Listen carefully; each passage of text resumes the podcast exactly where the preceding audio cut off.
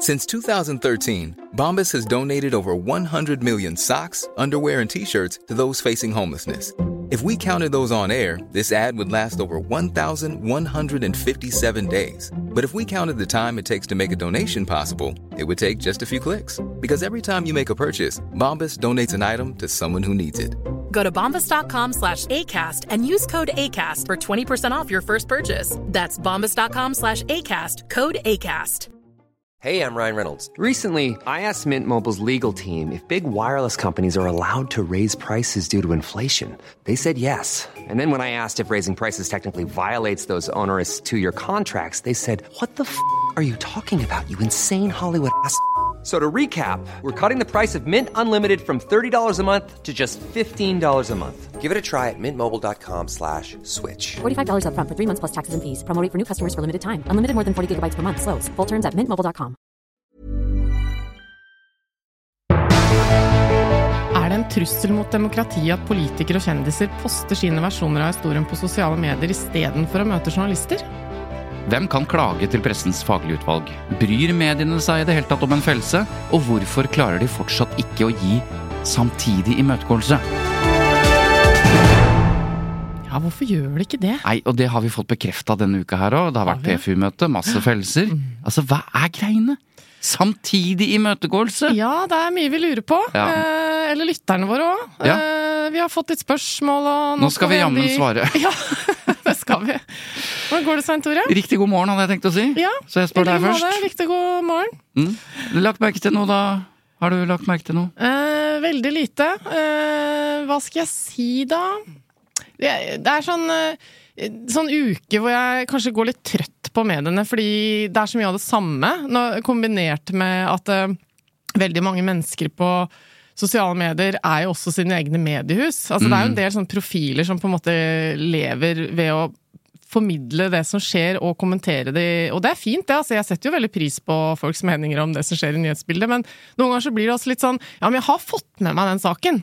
Du trenger ikke å liksom, lage en post for å si 'nå har det skjedd', Erna sånn og Sindre sånn og så, Ja, og det er ikke sikkert alle har fått med seg. Nei, nei, det, og det, det, så dette er egentlig bare jeg som tenker høyt. At uh, når det da blir litt sånn overload for meg, Mm. så skrur jeg litt av, jeg. Ja. Blir det ikke ganske ofte overload for deg? Jo.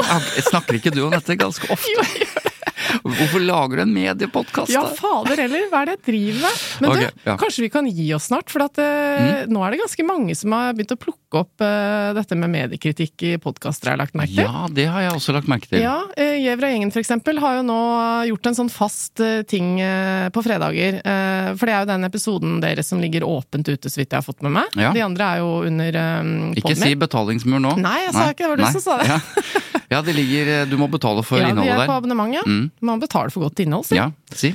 Um, men da kom jo eh, sjefredaktør, eh, eller ansvarlig redaktør Gard Steiro inn fast som gjest og snakke litt mer sånn om, hva skal jeg si, PFU-saker, mediekritikk, litt i vårt domene, da. Og det syns jeg er veldig bra. Ja, Vi har får- jo etterlyst det at mediene bør stole på, at folk syns det er interessant å høre om. Absolutt, og Gard Stereo forklarer jo litt sånn som de gjør i den nye siden de har. ikke sant? Forklarer redaksjonelle avgjørelser. Er det riktig å identifisere? Er det riktig å gjøre det? Og, ja, så, og, de, og, og Anders Giæver eh, gir jo sin egen sjef ofte ganske god motstand. Han stiller jo kritiske spørsmål. Hvorfor?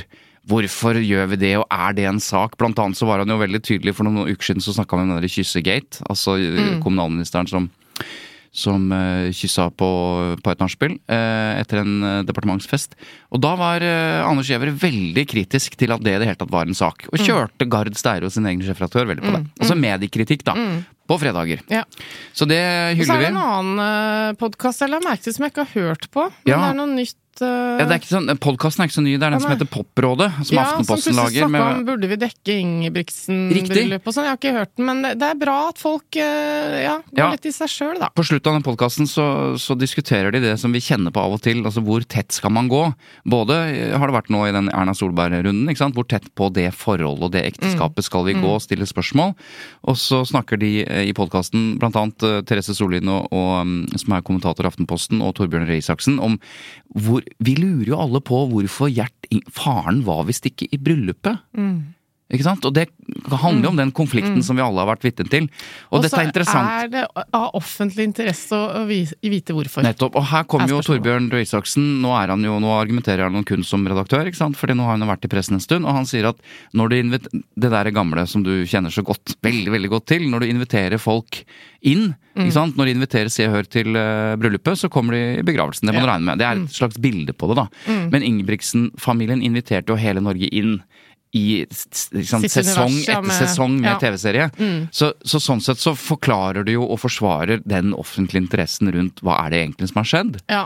Så den eh, er det ingen som kommer unna med i noen klage eller noe sånt. Samtidig er det jo veldig rart at vi ikke vet hva som har skjedd. Og det tyder jo på, nå skal ikke jeg være den fremste liksom, spekulanten i det der, men det tyder jo på at det har vært et brudd, eh, og at det har skjedd et eller annet som som jo begge parter åpenbart veldig, veldig eh, liksom hardt prøver å holde unna offentligheten.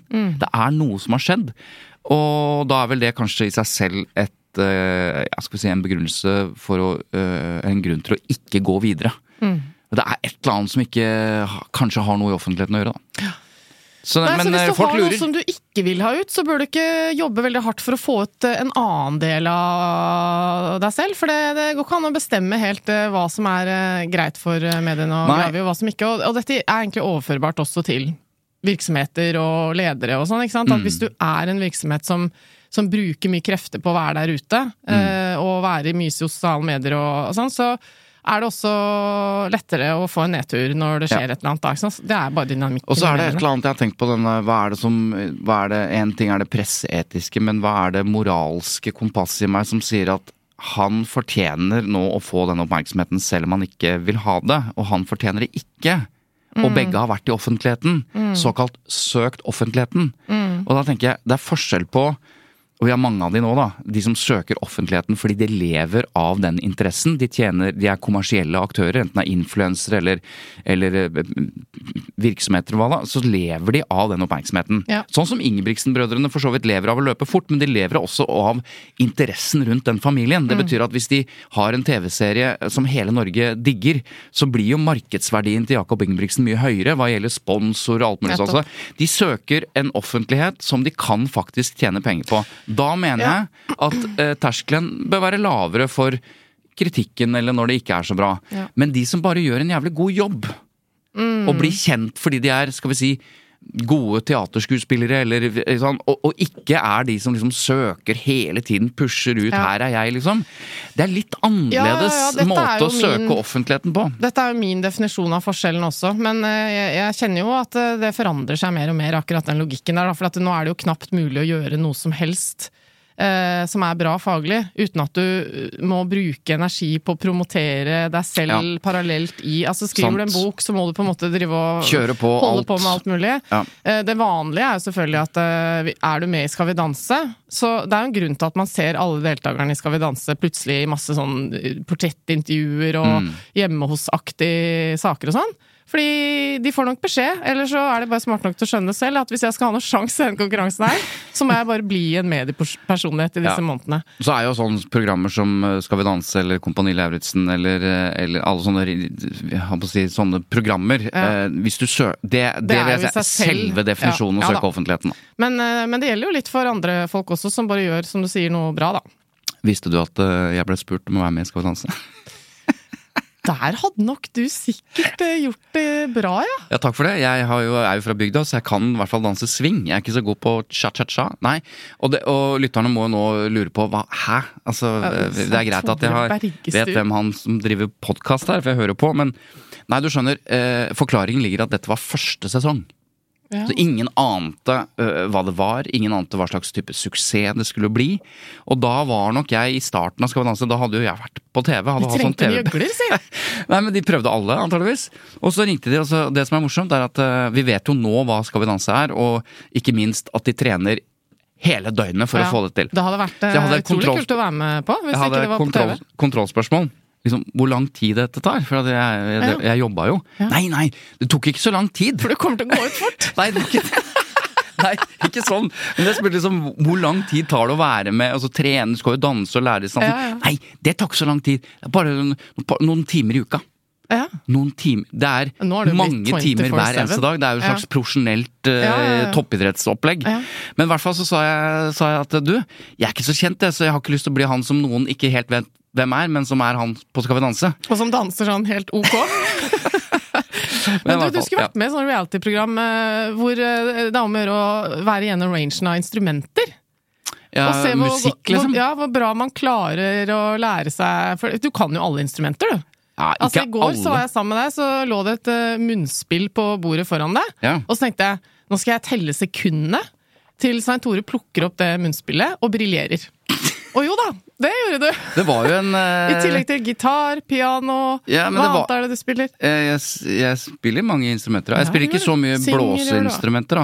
Men uh, nok om det. Uh, jeg skal by på det. Eh, en eller annen gang i podkasten skal, jeg, skal Ja. faktisk spille en, lite en mediekritisk eh, sang. Ja, men det kan, du, det kan du skrive når du kjeder deg, Svein Tore. En liten mediekritisk eh, hit. Du, um, jeg har vært på et veldig flott arrangement her om dagen. Ja. Eh, Bak Slottet så ligger Fritt Ord, institusjonen Fritt Ord. Ja. Hva er det?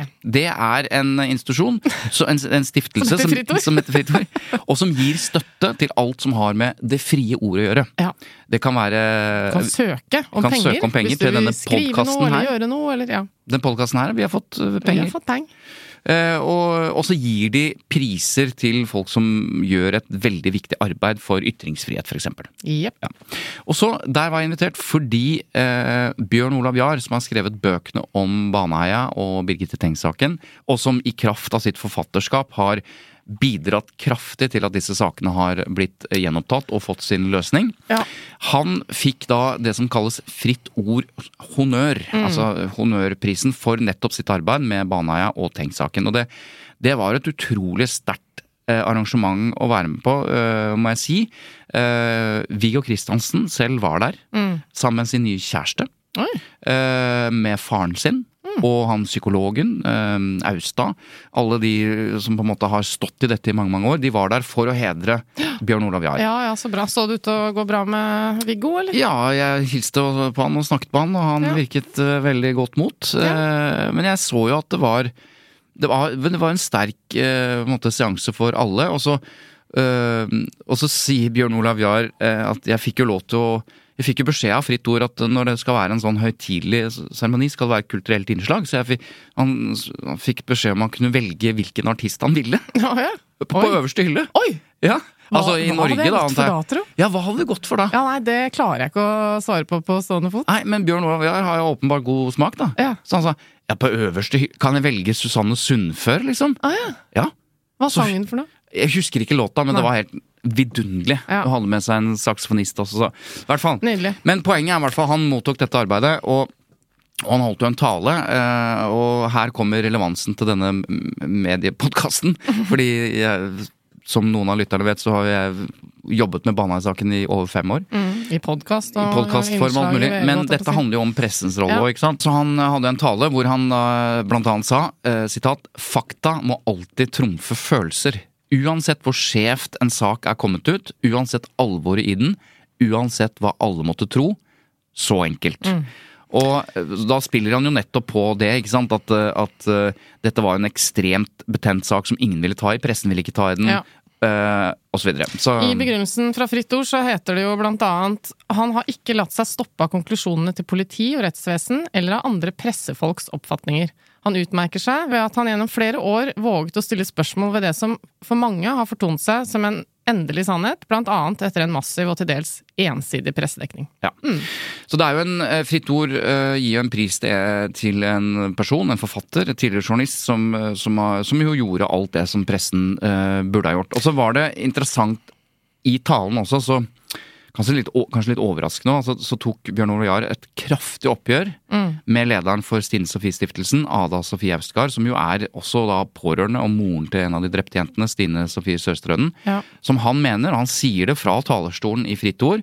Eh, han tar et ordentlig oppgjør og mener at hun har motarbeidet ham og alle som har jobbet med denne saken, eh, og, og bare fortsatt med det for så vidt etter, etter frifinnelsen, eh, og har blant annet eh, skal ha oppfordret til boikott av Bjørnar Olav da han skulle holde innlegg på et bibliotek. eh, Ja, for mediene har jo snakket litt om dette her, at noen kanskje har blitt litt for påvirket, da. Ja, og av, jeg- eh, jeg- av hennes som er forståelig, ikke sant. Eh, Behov for å bli litt beskyttet, eh, altså seg og sine, da, eh, mot eh, stadig gjenopptakelse eller stadig nye saker eh, om dette og sånn. Ja, og Argumentene har jo handlet om at, eh, at dette er, er underholdning. At man gjør dette og Mm. gjør så en tragisk sak til underholdning. Men, men det er klart at uh, Ada Sofie Austegard er jo eh, ikke bare en mor. Hun er jo da, eh, mange vil si, eh, har veldig stor på, hatt veldig stor påvirkningskraft i det norske samfunnet. På norske medier, eh, på norsk lovarbeid, altså stortingspolitikere. Mm. Og hun har gjort ekstremt mye bra, den stiftelsen. Men det er samtidig en det er jo fint da, at hun har Veldig. brukt det, det forferdelige som har skjedd eh, i hennes familie, til å virkelig Absolutt. Absolutt. mm. Og så er det en stiftelse som nå eh, samtidig også eh, har veldig store budsjetter, veldig mange ansatte, veldig mange Ja, makt. fra de har rett og slett veldig mye makt. Så det er jo altså et perspektiv han prøver å løfte opp der, da. Så, um, så det var i hvert fall Ja, det var eh, bra. Eh, Bjørn Olav Jahr fikk jo også Rettssikkerhetsprisen eh, 2023 av Juristforbundet nylig. Han Det delte han. vel en med Lars Mikkel Tronsrud og Halvard Sivertsen eh, for det samme arbeidet da, med Baneheia-saken og gjenopptakelsen av ja, drapsdommen. Det er jo de som har jobbet gratis og frivillig for denne ja, saken. Og han har fått den store journalistprisen tidligere i år. og sånn. Så hva, hva er det vi kan ta ut av dette? Eh, altså, det som jeg syns er fint med historien rundt eh, arbeidet til eh, Bjørn Olav Jahr, er jo nettopp det at det, det, vi er litt avhengig av i samfunnet vårt at noen Uh, har tid og anledning og mulighet, kanskje med støtte fra steder som Fritt Ord eller lignende, Mm. Han har også fått støtte fra, ned- fra Fritt Ord eh, Ja. for å skrive bøkene. til å sette seg ned og arbeide med noe som ingen andre Mm. vil ta i. For det, det er veldig mange store saker opp gjennom historien som eh, springer ut fra eh, ett menneskes eh, brennende engasjement for å se på det på nytt, eller ikke sant. Mm. Så, det er vi litt avhengig av, da. Derfor så, selv om man kanskje kan føle at å ja, nok en pris og sånn, så er det er også en motivasjon for folk, ikke sant. At de får Ja. et honnør i ettertid. Og det er også en, eh, en viktig seier, skal vi si, eller en, en fjær i hatten for sakprosalitteraturen i Norge også. ikke sant? Mm. Fordi sakprosalitteraturen, altså alt som har med eh, dokumentarer og, og biografier og, Springer ut av og kokebøker, for den saks skyld. Ja, men det er så viktig at eh, det drives god eh, og undersøkende journalistikk i sakprosaform også, i bøker. Mm. og det ja, Så det er eh, honnør, hør, hør, hipp hurra for pris. Hey, I'm Ryan Reynolds. Recently, I asked Mint Mobile's legal team if big wireless companies are allowed to raise prices due to inflation. They said yes. And then when I asked if raising prices technically violates those onerous two year contracts, they said, What the f are you talking about, you insane Hollywood ass? F- So to recap, we're cutting the price of Mint Unlimited from $30 a month to just $15 a month. Give it a try at mintmobile.com slash switch. $45 upfront for three months plus taxes and fees. Promo rate for new customers for limited time. Unlimited more than 40 gigabytes per month. Slows. Full terms at mintmobile.com. There's never been a faster or easier way to start your weight loss journey than with PlushCare. PlushCare accepts most insurance plans and gives you online access to board-certified physicians who can prescribe FDA-approved weight loss medications like Wigovi and Zepbound for those who qualify. Take charge of your health and speak with a board-certified physician about a weight loss plan that's right for you. Get started today at plushcare.com slash weight loss. That's plushcare.com slash weight loss. plushcare.com slash weight loss. Hmm. Um, Ellers da, hva har skjedd i eh, Erna Solberg-saken, som vi da må kalle det? Fordi eh, det har jo også vært litt kritikk, og den syns jeg faktisk er litt interessant. Mm. Det der med at eh, ok, vi var veldig raske ute med å kalle det Huitfeldt-saken, mm. og så plutselig så var det sånn Finnes-saken eller Høyre-saken eller det var ikke eller, Ja, det handlet var veldig mye om Finnes. Ja, Ja. og det gjorde det jo. Ja, ja. Så sånn sett så er det ikke noe rart, for så vidt. Men når man setter det opp mot uh, den saken som lignet litt rett før, så var det, så var det ikke helt likt. Det var fordi fordi vi, ikke, det kun- vi kunne ikke navnet på han Nei, det mannen det. til Huitfeldt. Det er det, ikke sant? At, eh, vi har vel blitt kjent med Sindre Finnes ja. opp gjennom åra, så, så det Ja, pluss Men eh, pressen har jo også tatt uh, Har jo retta det ganske fort, da. Til, Ja. For poenget ditt er at det er ikke Finnes-saken, det er Erna Solberg-saken. ja, eller, det det er ikke egentlig poenget mitt, for det er jo også Finnes-saken. Jeg vil jo kanskje mene, hvis jeg ikke sammenligner det med Huitfeldt-saken, så er det jo først og fremst en Finnes-sak. Nei! Jo, men Det- Eller altså Nei! Nei. Nei. det, det er, du har jo rett i at det ikke først og fremst er det. Det var først og fremst oss. han som uh, solgte og kjøpte noe jævlig, men eh, det er først og fremst Ja, en habilitetssak. ja, ja, ja. eh, Poenget mitt er mer at han er jo, øh, saken er avhengig av han. Ja. Det er, det er riktig. Men eh, det høres litt ut som, eh, som sånn eh, Skal vi si Yesterday's News. Men eh, vi hadde jo Ragnhild Vartdal, journalisten i E24, som var med på å starte hele denne saken. Ja. Har gravd dette fram, og vi snakket med henne forrige episode. Må gjerne lytte på denne episoden, for hun forteller liksom hele forhistorien og hvordan de gikk inn i dette. Men hun løp jo herfra for å, for å intervjue Erna Solberg. Og da visste vi at den dagen vi spilte inn den podkasten, så, så var det jo alle disse 18 intervjuene som har blitt så mye omtalt. Og det endte jo da i debatten. Hvor mange så du egentlig?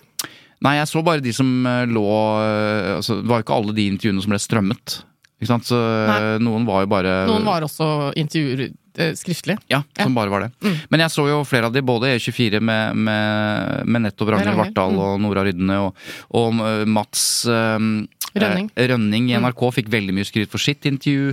Dagbladet hadde intervju, altså jeg så de aller Ja, fleste. det var en studie i pressens eh, intervjuteknikker, og, eller liksom, Ja. Hvis man hadde tatt seg tida da, eh, med å se alt som lå ute tilgjengelig, Ja, jeg skal så en, kan man eh, lære litt av det. Jeg skal skrive en masteroppgave på Universitetet i Oslo om, om alle de 18 intervjuene nå, når jeg får skal du sikkert. Når jeg får Når tid. det- ja, det er en natt. Men jeg vil bare si en ting. Jeg har ikke sett det til Mats Rønning, men han fikk jo da i NRK Han fikk jo da skryt for å være den som var mest på med sånn faglige og kritiske spørsmål, så vidt jeg husker. Ja. Men det som slår meg, er at det, det er en sånn veldig sterk presselogikk.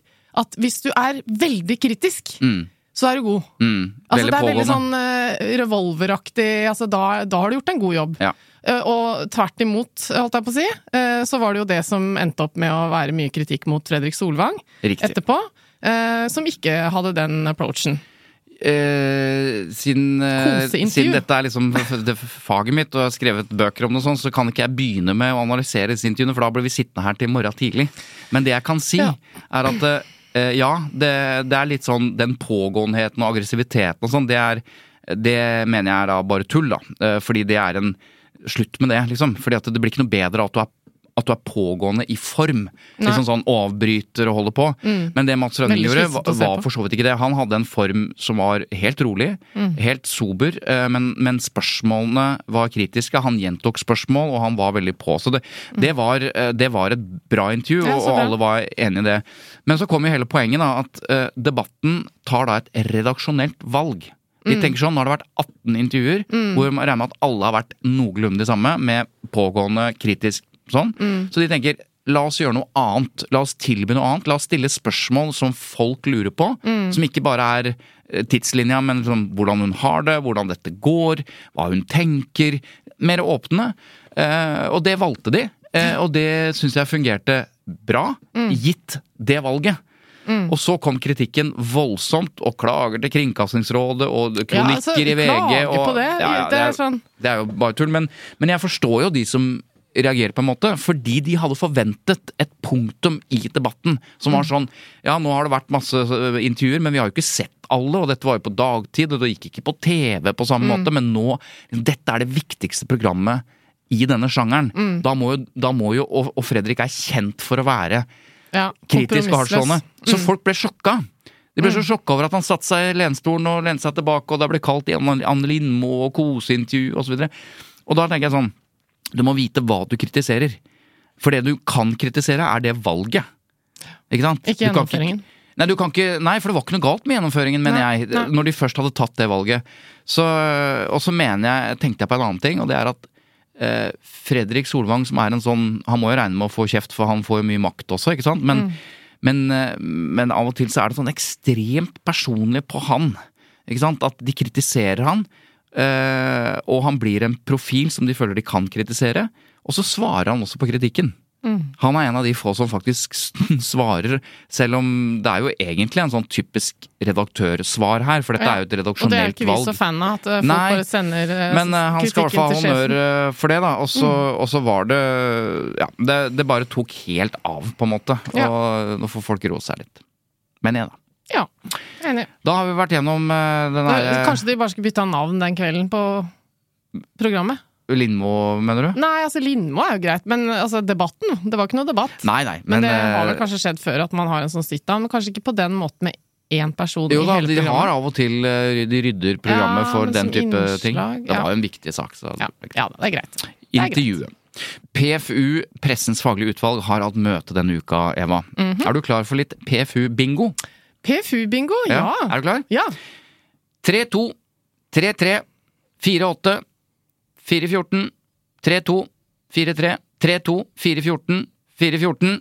Bingo! Yes! Juhu! Altså tre brudd på 3-2 og tre brudd på 4-14. Så da er vi jo tilbake der vi skal være da, i, i PFU. Det er vi. Hva er 3-2 og 4-14?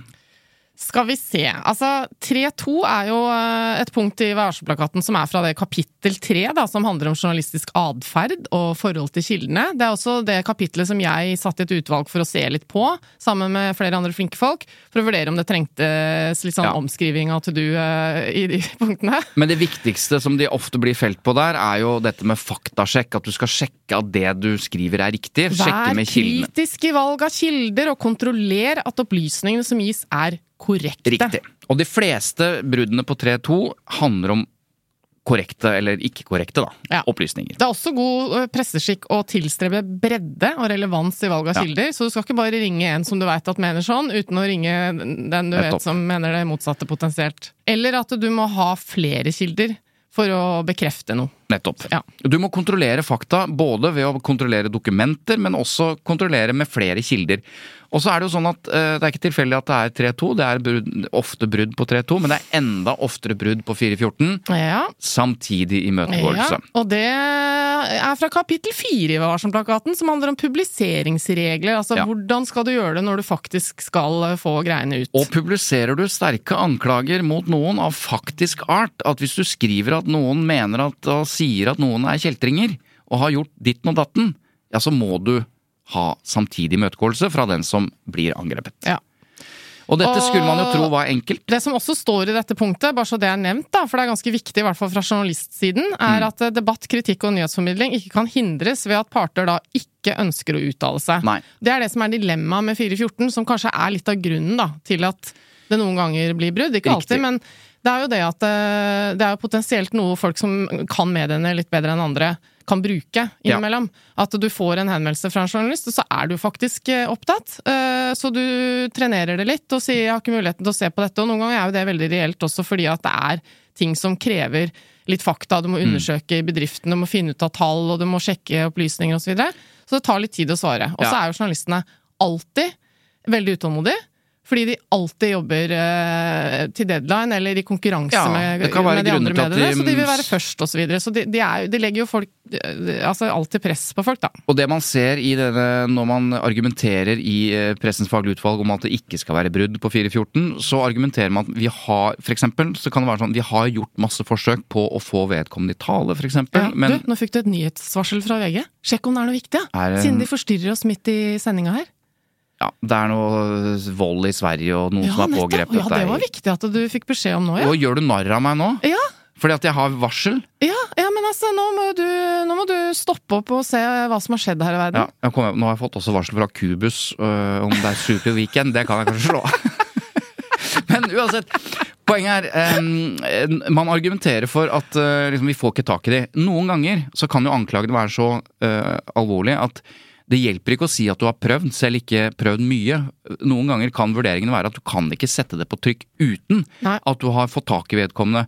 Og, og her er poenget. Fordi hvis de anklagene kommer, og du ikke får muligheten til å sjekke de anklagene med andre typer skriftlige kilder, så ligger jo på en måte faktasjekken i samtidig imøtekåelse. Altså, du må snakke med vedkommende. Nå er du flink, Svein Tore. Ja, og det er derfor dette kalles for tvillingpunktet i Vær varsom-plakaten. Du har gjort hjemmeleksa di! Helt riktig. Altså 3-2 faktasjekk kan ofte Henger bli sammen med- med 414. Mm. Fordi vi- den beste kilden er ofte den det handler om. Ja.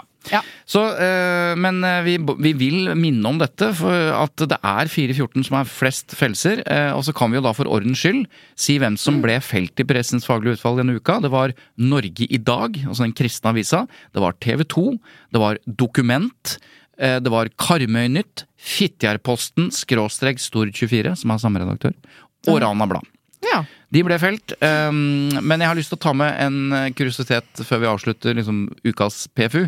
Og det var en kuriositet Avisa Nordland som ikke ble felt. For de var klaget inn fra medlemmer av partiet Rødt. Okay. Og dette er gøy, for dette har vi vært innom så vidt før. Du vet at jeg har sagt at det er, har vært en journalistisk metode eh, når du ikke får tilgang til informasjon fra, fra selskaper osv., så, videre, Mm. så kjøper du en aksje. Gjerne bare én, da. For du skal jo ikke kjøpe masse sånn at du blir inhabil. Men du kjøper én aksje til 10 kroner eller 100 kroner. Så du kan gå på generalforsamlingen. Riktig! Så Ja. kan du komme på generalforsamlingen, og så kan du dekke det møtet Ja. som journalist. Ja. Her er en enda frekkere variant. Journalisten i Avisa Nordland Mm. ville ha tilgang til et liksom, kontroversielt og oppvaskmøte eller et eller annet viktig møte i Rødt, partiet Rødt, i. Nordland. Men han fikk jo ikke lov til å komme inn der, for det, det var jo et medlemsmøte. Så han meldte seg inn i Rødt. Ja. I partiet Rødt. ja, Og det da- må da være lov? Det må da være lov, og da, da fikk han komme. Så satte han seg og sa her er jeg, medlem Rødt, journalist. Satt og skrev. Ja, så han var åpen om det? Han var åpen på det møtet. Alle visste at han var journalist. Ja. Det var noe av poenget at de syntes det var kjempeubehagelig. Så jeg tror de klagde han inn på liksom at, at premissene må gjøre premissene klare osv. Ja, videre Men okay. så mener vel journalisten at hallo, jeg er journalist, uh, jeg har meldt meg inn i Rødt, og her kan jeg være, så jeg kommer til å Ja, uh, ja altså jeg er jo enig i at eh, i, eh, i et partipolitisk møte så bør man på en måte takle det, da. Men det er jo eh, liksom vanskelig noen ganger Ja. med journalister i ulike settinger. At eh, når man sitter på en middag eller noe sånt. Ja. Eh, Er du alltid journalist, eller Ja, er er du ikke må, på jobb nå? Nei, og, da, og det, da må du gjøre premissene klare. Og det Mm. er klart at Hadde ikke han sagt at han var journalist, og han bare latet som han var Rødt-medlem, og satt i krok og skreiv og holdt på, liksom, og lot som ingenting, så handler jo med Det er jo en skjult metode, og det, er jo, det rammes jo også av eh, Vær varsom-plakaten, så da må man ha veldig gode grunner til å ikke tydeliggjøre det. Men så vidt jeg forsto, så, så visste alle at han, eller han visste alle at han var journalist. Så PFU eh, de forstår at eh, liksom, hans tilstedeværelse var ubehagelig, men flere la da vekt på at det var en helt legitim journalistisk metode. Ja. Så PFU har altså slått fast at det å kjøpe aksjer eller melde seg inn i partier for å få tilgang til rom du ellers ikke er invitert inn i, det er en legitim journalistisk metode. Nå har kanskje ikke vi lest saken i detalj, men var det opplyst i saken også? Her er poenget. Ja. Fordi eh, det gikk to dager. Altså når den står på trykk, så virker det som journalisten bare har vært der som du kan være på et land, åpent landsstyremøte i et parti, liksom. Ja. Han opplyste ikke om eh, i saken at han hadde meldt seg inn i Rødt for å få det, og meldt seg ut igjen da rett etterpå. Eh, og det er vel noe av det PFU er innom, at det, eh, det burde han opplyst om, men det er ikke, et- ikke en felles av den grunn. Ja, Det er det som er så interessant med Hva varsom-plakaten, for eh, de som nerder litt på den. Da? At den handler jo om ulike ting. Eh, ref eh, at det er eh, ulike kapitler. da. Mm. Og Det ene er jo hvordan du skal oppføre deg eh, i prosessen og overfor de som er involvert når du driver og innhenter informasjon og lager journalistikk. Mm. Og det andre er eh, hvordan du skal sette det på trykk eller på lufta. Og så er det, det en, en ting som ikke er så tydelig nedfelt i ord, men som også er liksom, det er viktig at leserne for, forstår konteksten av disse tingene. Så noen ganger så er det jo at man lurer litt på hvorfor bruker de så mye tid på å si sånn Han og han har fått muligheten til å komme hit, men ville ikke, og sånn. Mm. Men det er også litt fordi at eh, det er litt viktig at eh, lytterne i et debattprogram eh, får med seg at ok, de har gjort et forsøk på å få sånn og sånn i Ikke tale. I tråd med Så det er presseetikken ikke så har de alltid bare for å liksom drite ut en som ikke hadde lyst til å stille, men det er også litt fordi at hvis ikke så sitter lytterne og føler at nå har dere jo gjort en dårlig jobb, burde ikke hun Ja. vært her, og så videre. Du, um, Siden vi da er inne på PFU, så får vi en gyllen anledning til å besvare et lytterspørsmål som vi fikk for eh, en uke siden. Ja. Hei på dere. Takk for fin podkast. Jeg har to spørsmål ehm, til den siste episoden. Og da snakket vi om klaging. Et par år siden. Nei. Det er ikke så gammelt. Dere sier at hvem som helst kan klage. Har dere eksempler på at man kan lykkes som enkeltperson uten kyndig hjelp, og eventuelt eksempler på det motsatte? Det er vel ingen hemmelighet at det finnes kolleger av dere som leverer frilanstjenester i form av skrivehjelp i klageprosessen. Og så sier dere også at det er jævlig flaut, sitat, vi har visstnok sagt det da, mm. å bli felt. Hva med de mediene som åpenbart ikke bryr seg? Er det like flaut for Dagbladet som for Klassekampen, for å ta et helt tilfeldig eksempel? Så skriver innsenderen da at jeg har klaget én gang, det førte til en dobbeltfellelse, helt uten debatt i utvalget. Gratulerer med det. Mediet jeg klaget inn har en rekke fellelser, men legger ikke skjul på at dette er uviktig for dem. De publiserer at de er felt, merker saken, men legger det bak betalingsmur og langt nok ned i saken til at det ikke syns. Jeg håper dere vil diskutere noe av dette. Jeg tenker at det er nokså alvorlig hvis det etablerer seg en kultur for at man aksepterer fellelser og devaluerer utvalgets uttalelser. Ja. Og da husker jeg svarte Snakker du om Hegnar? Ja, ja, om Kapital, ja. Om Ja, Finansavisen. Fordi eh, Trygve Hegnar har jo vært eh, litt kritisk til PFU til tider, eh, og helt åpent og skrevet at han ikke har helt respekt for det som han har kalt, eh, tror jeg, Ole Brumm-utvalget og Vingleutvalget og sånn. Eh, det er ikke sikkert det er han som sa det akkurat, men, Jeg vil som. men han har eh, en tendens, i hvert fall har hatt en tendens til å skrive såpass eh, såkalte polemiske replikker. Mm. Altså det vil si når du blir felt i Pressens faglige utvalg, så skal du jo publisere eh, for eh, lesere, lyttere, at du har blitt felt. Og ikke kommentere det, liksom. Ja. That's the fact. Men eh, nei, interessante lyttespørsmål. da. Hvem som helst kan klage, det er jo riktig. Det er riktig. Eh, eller det vil si eh, innenfor eh, noen regler, da. For du skal jo være berørt av saken. Eller innhente samtykke fra noen som er berørt av saken. Så du kan ikke drive og sende inn klager til PFU i villen sky når ting irriterer deg. Da Nei, på vegne nok, av eh, andre, liksom, som du Nei. ikke vet hvem er eller kjenner. så jeg har eksempel en gang, eh, eller flere faktisk, fått eh, henvendelser fra folk som irriterer seg over noe, noe som er skrevet om meg, og spurt om de kan klage for meg. Ja, og så, så spør, man, spør innsenderne har dere eksempler på at man lykkes som enkeltperson uten kyndig hjelp. Ja, det Ja, finnes det mange dette er eksempler et veldig, veldig eh, viktig spørsmål, fordi at eh, det skal jo være veldig enkelt å klage til PFU. Det er basically bare å gå inn på presse.no og klikke seg inn på PFU, og så ligger det et skjema der du kan sende inn. Men det du må gjøre, er å vise til hvor er det du mener at bruddet har funnet sted? I, hvilket punkt i Vær varsom-plakaten eh, er dette relevant? Sånn at du, for at eh, ut, altså uttalelsene fra PFU må forankres i et punkt. Nettopp. Eh, så det er jo litt eh, Det er jo litt komplisert, for at eh, man liker å si at det skal være enkelt. Mm. Men det som kan være komplisert, er jo å finne ut av hvilket punkt bør jeg velge.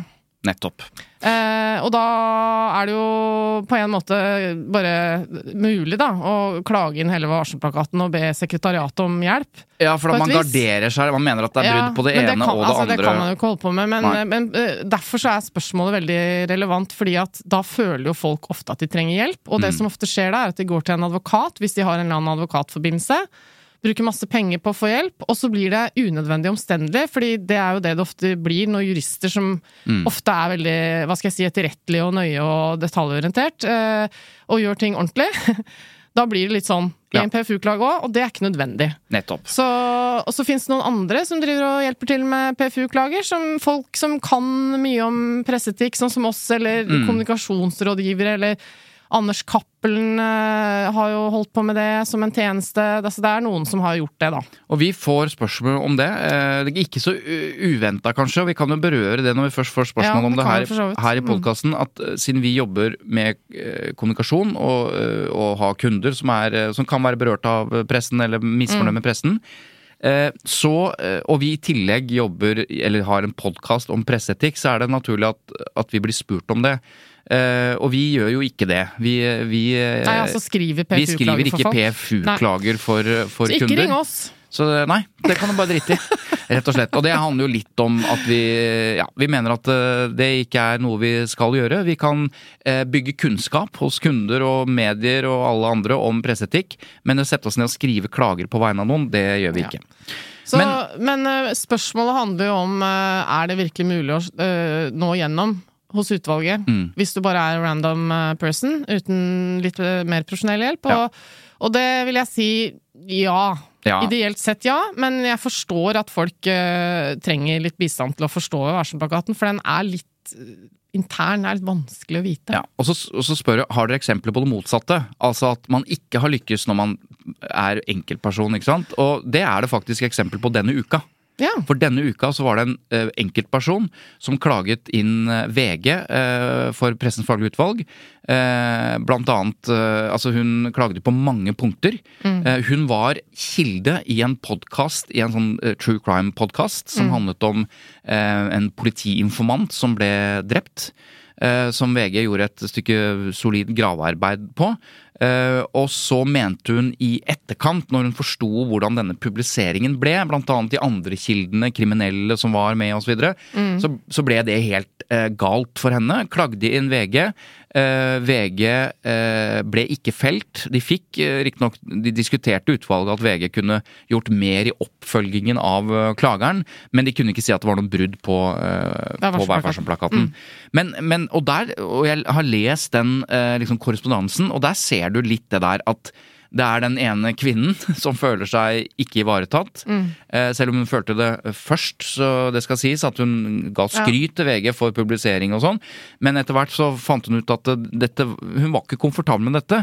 Og da ser du litt den derre lille, Ja. lille enkeltpersonen mot det store Ja, det, mediehuset. kan, eh, det er det som er Som litt utfordring. litt, eh, at det kan være litt sånn David mot Goliat-stemning. Fordi at det er klart de store mediehusene som TV 2, VG, altså NRK har jo advokater og jurister og folk som, eh, som kan drive med dette og bruke masse tid. ikke sant? Så hvis du Mm. da sitter mm, i en klage mot dem helt alene, og så er det jo en tilsvarsrunde fram og tilbake, så får du et svar fra mediet hvor de alltid er veldig overbevisende og Ja, gode. De er gode til å skrive tilsvar. Ja, og da, da kan det ofte være litt vanskelig. Så, Men så har du da, rett etterpå, så har du en ny enkeltperson som klagde inn Karmøy-nytt, da.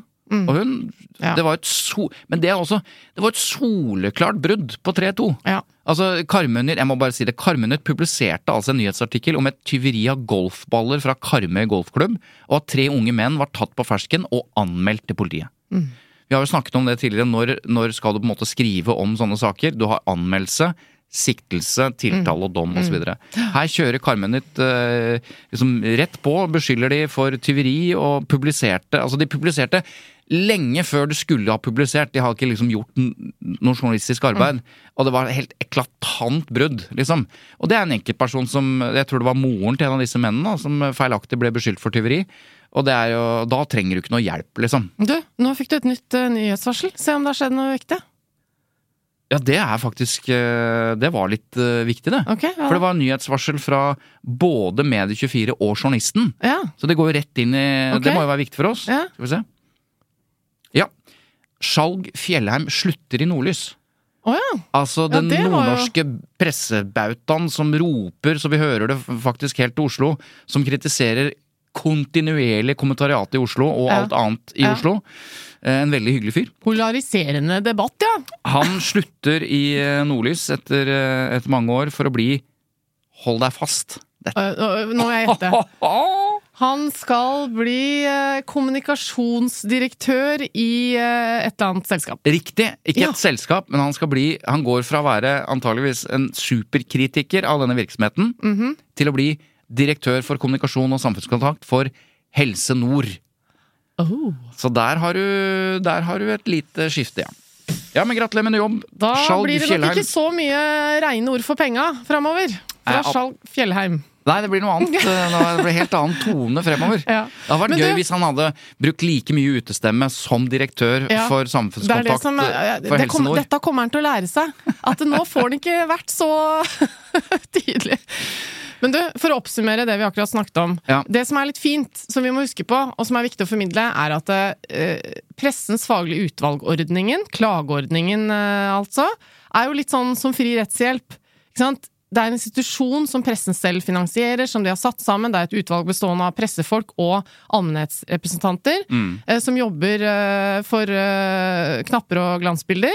Eh, For å ta imot klager som ikke skal koste noe. Nettopp. Så hele prinsippet her er at alle skal kunne komme uten at de har ressurser eller penger til å gjøre det, for å få sin oppreisning, da, ganske enkelt. Så det må vi holde litt fast ved. Det og det er derfor det er viktig å formidle at alle kan klage. Det skal være greit. Mm. Og dersom du trenger litt bistand, så trenger du ikke å ringe dyre jurister eller kommunikasjonsrådgivere.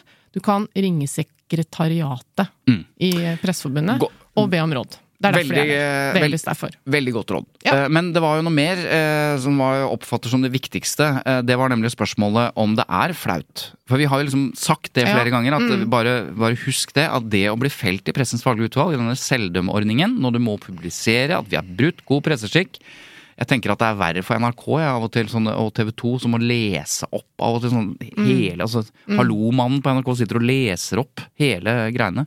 Mens uh, enkelte andre lokalaviser og sånn gjemmer det bort i plussaker osv.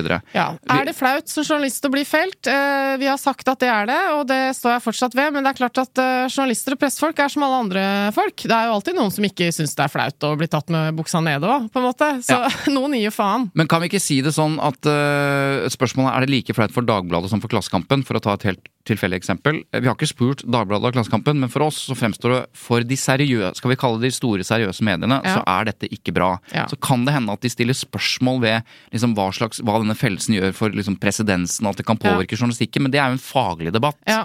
Men eh, vi vet jo nå hvilken avis som eh, innsenderen eh, eh, henviser til. Som mener at de bare driter i det. Eh, og nå orker jeg ikke å si hvem, hvilken avis det er, for det, da bør vi egentlig ringe opp og, for å Ja, sjekke om det er riktig. Men det er en lokalavis som man mener gir blanke.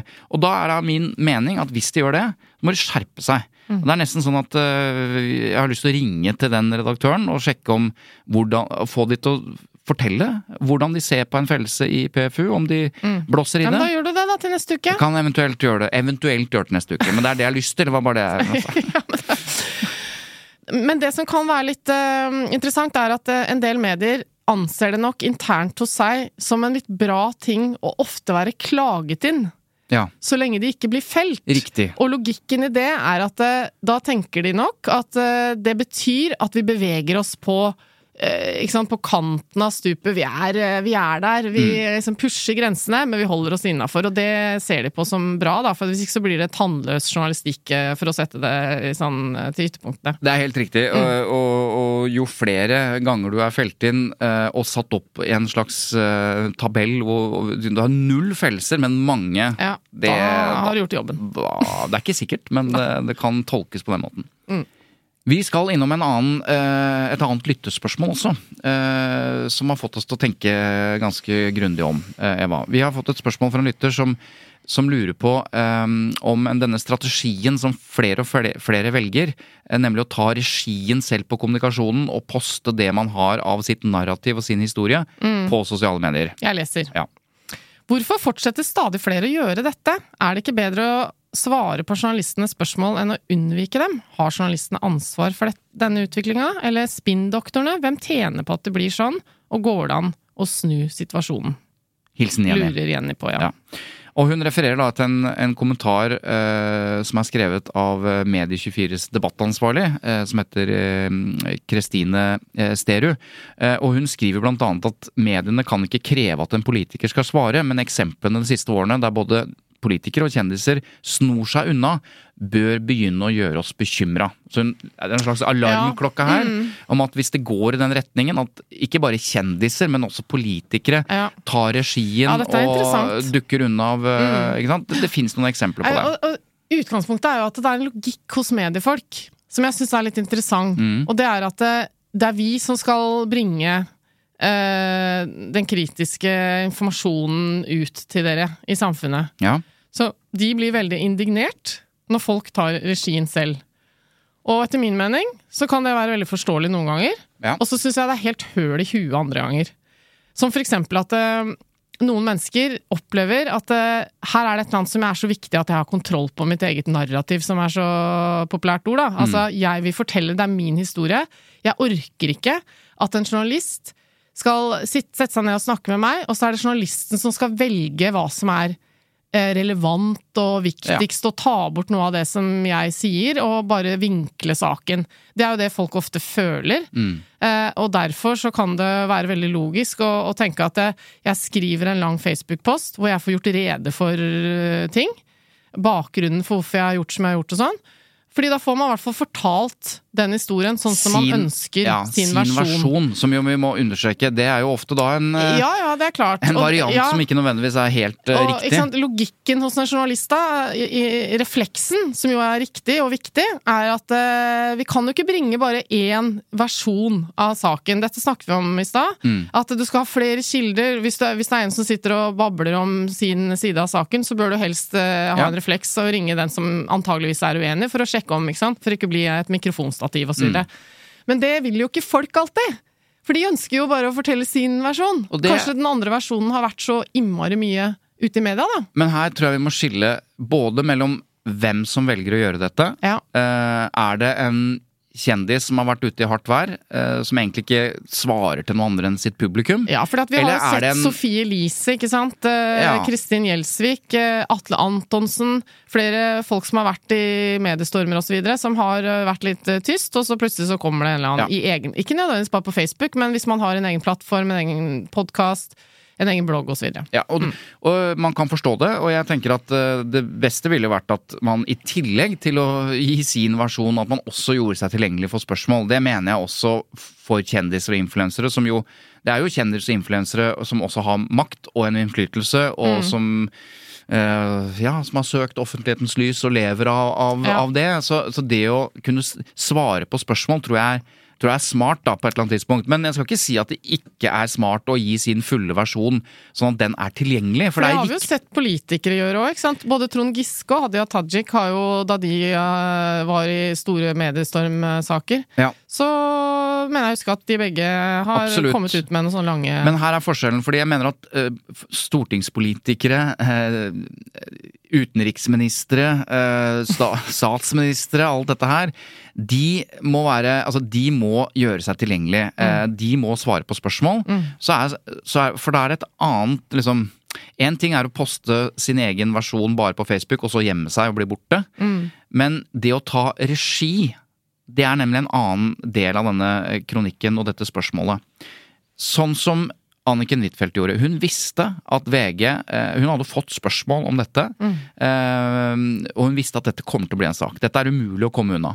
Så tar hun regi.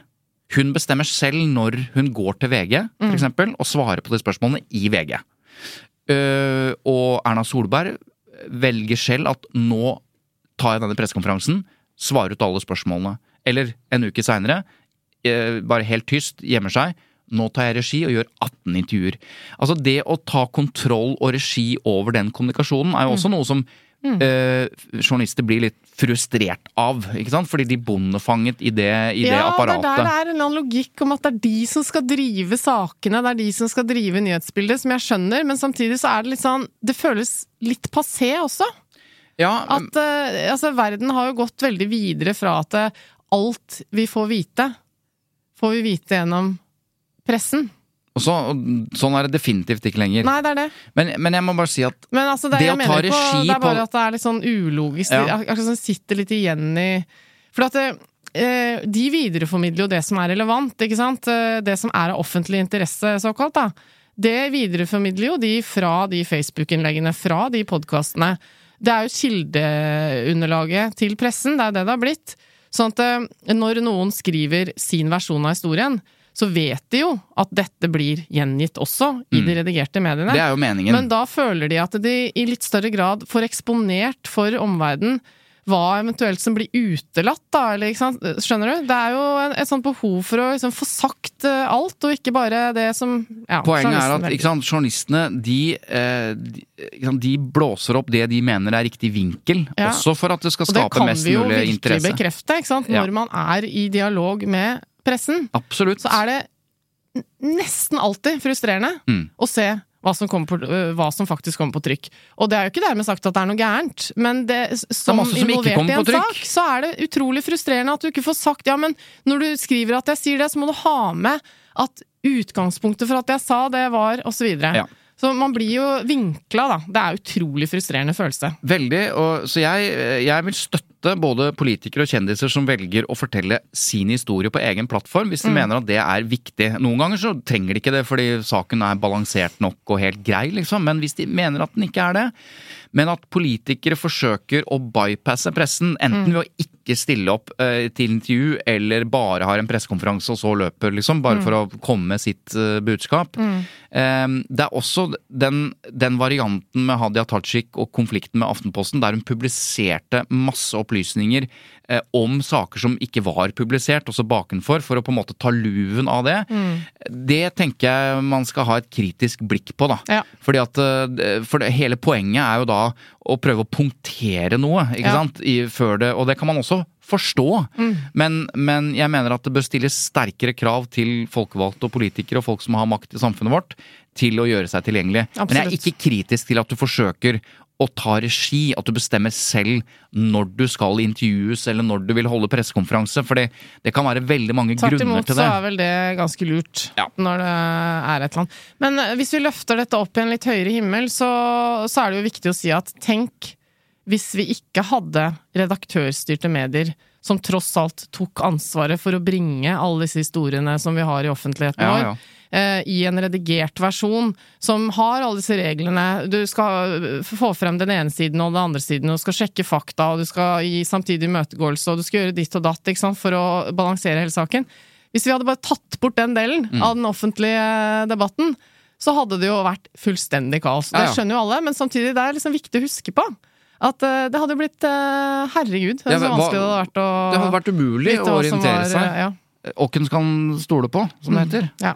Men eh, bare et lite eh, apropos til eh, hvorfor denne skal vi si eh, maktesløsheten oppstår eh, hos mennesker som blir utsatt Ja. for mediepress. Ja. Eh, For det er jo en del av dette at vi, selv om du er Hadia Tajik eller, eller Anniken Huitfeldt eller Erna Solberg, så vil du føle deg relativt maktesløs når apparatet er i gang. Eller en eller annen næringslivsleder som har, eh, er i en eller annen storm. Ja. Og det, det Denne maktubalansen som jo oppstår når journalistene styrer narrativet, eller ikke bare det, men det er de som bestemmer når de skal publisere, hvilke spørsmål de skal stille osv. Det, dette er det jo forsket på. Det kalles en asymmetri i maktbalansen mellom i profesjonelle samtaler.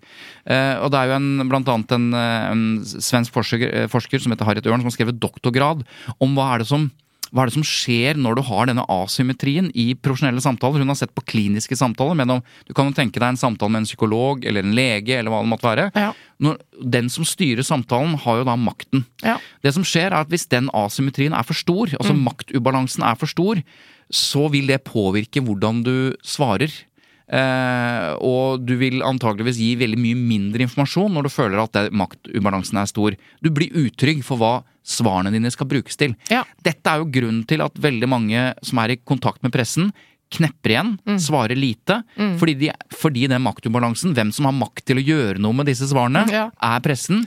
Og da blir du usikker, og du vil ikke snakke. Ja, På samme måte som vi var innom i stad, at hvis det er for eh, konfronterende i form, så Ja. blir man også usikker og, holder tilbake. Absolutt. Så, så det, det, det som funker i intervjusituasjoner også, det er jo nettopp gjøre premissene klare for intervjuet. Hvis du er tydelig på hva dette skal brukes til, hva som skjer etterpå, hvordan ja. prosessen der, er. eh, Mitt inntrykk er at der har flere og flere journalister blitt flinke, da. Ja. Er- Og det er virkelig applaus til de som tar seg bryet med det. Kanskje fordi fortsatt... de ser at det lønner seg Ja. å være åpen, fordi da får du bedre svar og mer åpenhet. Ja. Fordi det er jo ikke sånn at uh, bare fordi du ringer og sier at du jobber et sted, så er det implisitt uh, at alle forstår at dette er et intervju. Det er jo en sånn faensak vi har. At du må, når du ringer, så må du si hva er det du har på hjertet? Du, lurer du bare på noe Ja, for å finne ut om du skal du? skrive en sak, eller er det faktisk et intervju? Og så må vi gjenta vårt favorittråd til folk, og det er at eh, du kan alltid ha en bakgrunnssamtale med en journalist. Nettopp. Alltid ta telefonen og si 'jeg kan fortelle deg litt om greiene her', på bakgrunn. På bakgrunn. Og hvis det magiske ordet har blitt sagt, så har ikke journalisten eh, tillatelse til å skrive noe Da gjelder før den man har gått over i intervju. Bare et lite nikk til en tidligere gjest i Tutu Medkjør som heter Kim Edgar Carlsen. Han, Ja. har, han forsket jo og skrev bok eh, om, sammen med Fanny Duckert om nettopp eh, hvordan 50 eh, norske menn og kvinner eh, opplevde medietrykk og mediepress. Altså de, de intervjuet kvalitet Altså det er en Det tror jeg også var kvalitativ støttet av fritt ord, eh, for øvrig. Ja, det var, var det sikkert.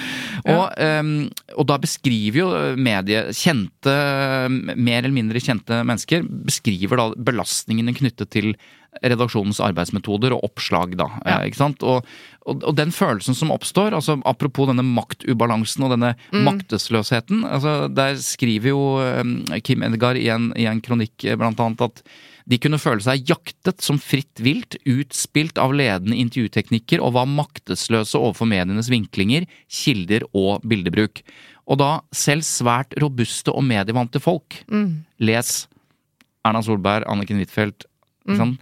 Em, slik som ledere eller politikere som også hadde oppsøkt offentligheten aktivt i yrkessammenheng, kunne alle bli overveldet av å stå i en mediestorm. Man blir jo det, ikke sant. Når det plutselig handler om noe annet, eller noe mer privat, eller noe som har blitt avslørt, så er det noe helt annet enn at du er medievant som Ja. direktør for et eller annet. Og jeg bare tar med det perspektivet, fordi det, den forskningen til Kim Edgar og, og Fanny Duckert viser jo, viser jo også hvorfor man velger å ta, prøve å ta kontroll over narrativet. Prøve å gjøre noe for å komme i balanse med den ubalansen som er så der. det er noe med det. For at det, det er lett å glemme mm, eh, hvor massivt det er. Hvis man er i en sak, eh, så er det jo ikke sånn at eh, den maktubalansen som du eventuelt beskrev nå i en intervjusituasjon mellom et sterkt medium og deg som kilde, det er jo ofte deg som kilde og 20 medier som ringer og sender Ja, er e-poster og skal ha de samme svarene, egentlig. Mm. Og hvis du da ikke har sovet under en stein de siste åra, så har du fått med deg at det som skjer da, er jo at eh, alle de 20 mediene de ønsker sitt take på det. Mm. Så du vet at eh, selv om de stiller ganske lignende spørsmål, så kommer de til å prøve å finne en eller annen vinkling, en annen måte, noe nytt, en liten detalj som de bringer opp. Så det er så ubehagelig også, fordi det, det er veldig ute av kontroll. Fordi alle skal liksom bare bade Ja. i saken din. Og da har du behov for å bare si til alle dere 100 som ringer meg nå og har sendt meg mailer, her er svaret mitt. Jeg legger ut på Facebook. Og så tar vi det derfra. Vi Jeg tror det det er det som skjer. Jeg kan eventuelt ringe dere opp seinere. Men eh, vi, skal, eh, vi skal avslutte. Ja. Fordi eh, vi, nå har vi jo, nå har vi jo prata Fader, vi har et annet liv òg, ja. Det har sikkert de som hører på, Ja. for alt jeg vet. Det får vi tro.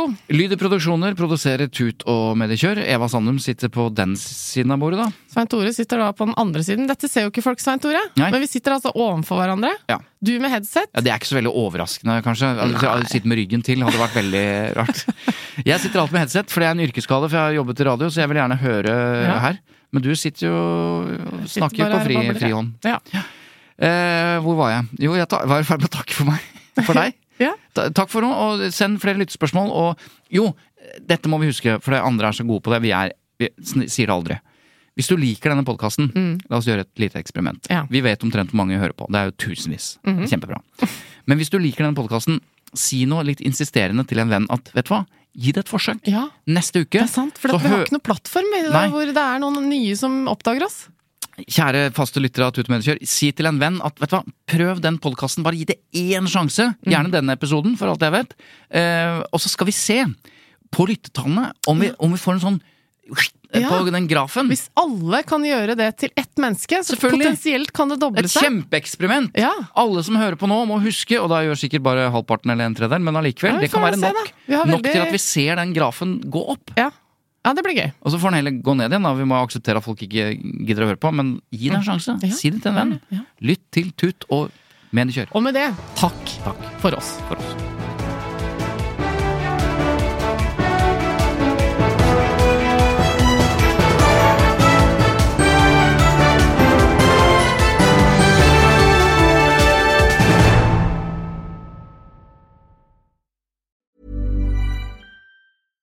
Sick of being upsold at gyms?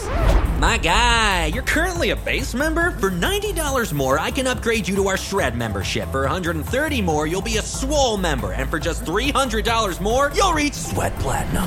At Planet Fitness, you'll get energy without the upsell. Never pushy, always free fitness training and equipment for every workout. It's fitness that fits your budget. Join Planet Fitness for just $1 down and $10 a month. Cancel anytime. Deal ends Friday, May 10th. See Home Club for details.